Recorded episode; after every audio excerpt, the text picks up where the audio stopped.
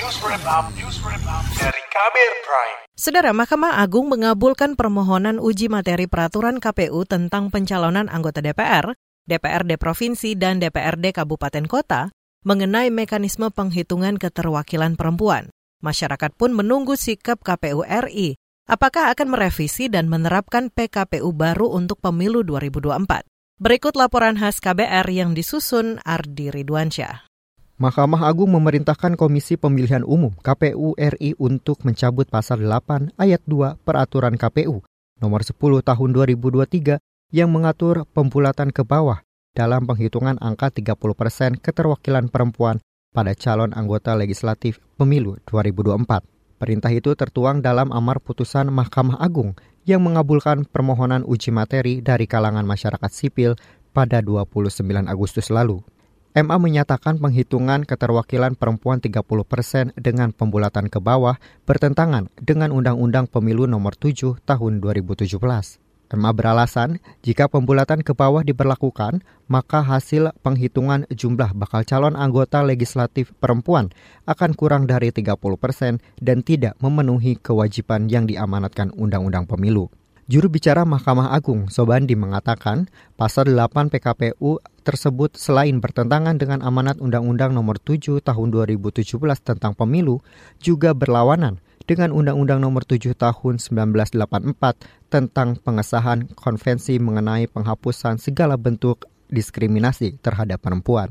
Dan tidak memiliki kekuatan hukum mengikat panjang tidak dimaknai dalam hal penghitungan 30% jumlah bakal calon perempuan di setiap daerah pemilihan menghasilkan angka pecahan dilakukan pembulatan ke atas. Sobandi mengatakan sejak dibacakan pada 29 Agustus 2023, putusan MA otomatis berlaku dan bersifat mengikat. KPU RI menyatakan bakal menjalankan putusan Mahkamah Agung tersebut. Ketua KPU RI, Hashim Asyari, mengatakan saat ini KPU sedang menyusun draft revisi PKPU terkait penghitungan keterwakilan calon anggota legislatif perempuan. Hashim belum bisa menanggapi apakah putusan MA itu akan turut berdampak pada perubahan daftar calon legislatif yang sudah ditetapkan daftar calon sementara DCS pada 8 Agustus lalu. Sementara itu, sejumlah partai politik di Kabupaten Banyuwangi, Jawa Timur keberatan jika putusan MA tersebut diberlakukan pada pemilu 2024. Ketua Dewan Pimpinan Daerah DPD Partai Golkar Banyuwangi, Ruliono menyampaikan jika KPU RI menindaklanjuti putusan MA tersebut, maka akan sangat merugikan partai politik. Ruliono mengatakan saat ini partai politik telah menata bakal caleg dan sudah ditetapkan sebagai DCS oleh KPU. Selain itu, setiap bakal calon legislatif juga sudah melakukan persiapan guna menyongsong masa kampanye. Ia mengatakan jika secara tiba-tiba aturan baru diberlakukan, bakal terjadi kegaduhan. Partai yang tidak memenuhi kuota keterwakilan perempuan di daerah pasti akan mencoret caleg laki-laki dan mengganti dengan caleg perempuan agar kuota 30% terpenuhi. Saya kira begini, karena pemilu sudah berjalan. Itu nantilah, itu seharusnya hmm. berlakunya ya pemilu tahun depan kalau sekarang ya rekor semua kita ini kesulitan Ketua Dewan Pimpinan Daerah Partai Golkar Banyuwangi Ruliono menambahkan untuk mencari pengganti bakal caleg perempuan juga tidak mudah. Sementara itu, Direktur Eksekutif Perkumpulan untuk Pemilu dan Demokrasi Perludem Hoirunisa Nur Agustiati mendorong KPU agar bisa menjalani putusan Mahkamah Agung tersebut. Perludem merupakan salah satu penggugat dari PKPU itu.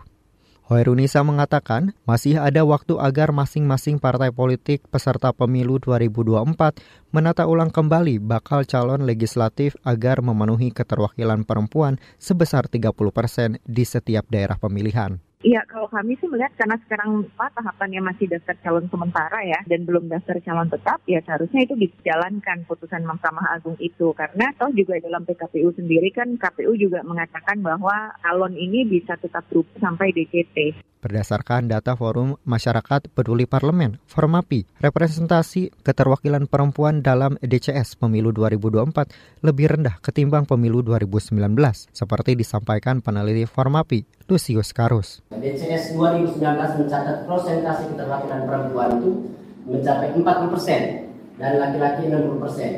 Di 2024, keterwakilan perempuan turun 3 persen ya menjadi 37 persen dan laki-laki naik menjadi 63 persen.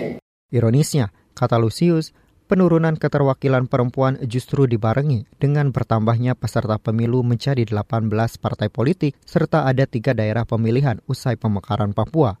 Ditambah lagi, jumlah kursi DPR RI bertambah dari 575 kursi di pemilu sebelumnya menjadi 580 kursi di pemilu 2024. Demikian laporan khas KBR disusun Ardi Ridwansyah. Saya Heru Hetami.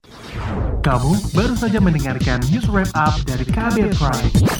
Dengarkan terus kbrprime.id, podcast for curious mind.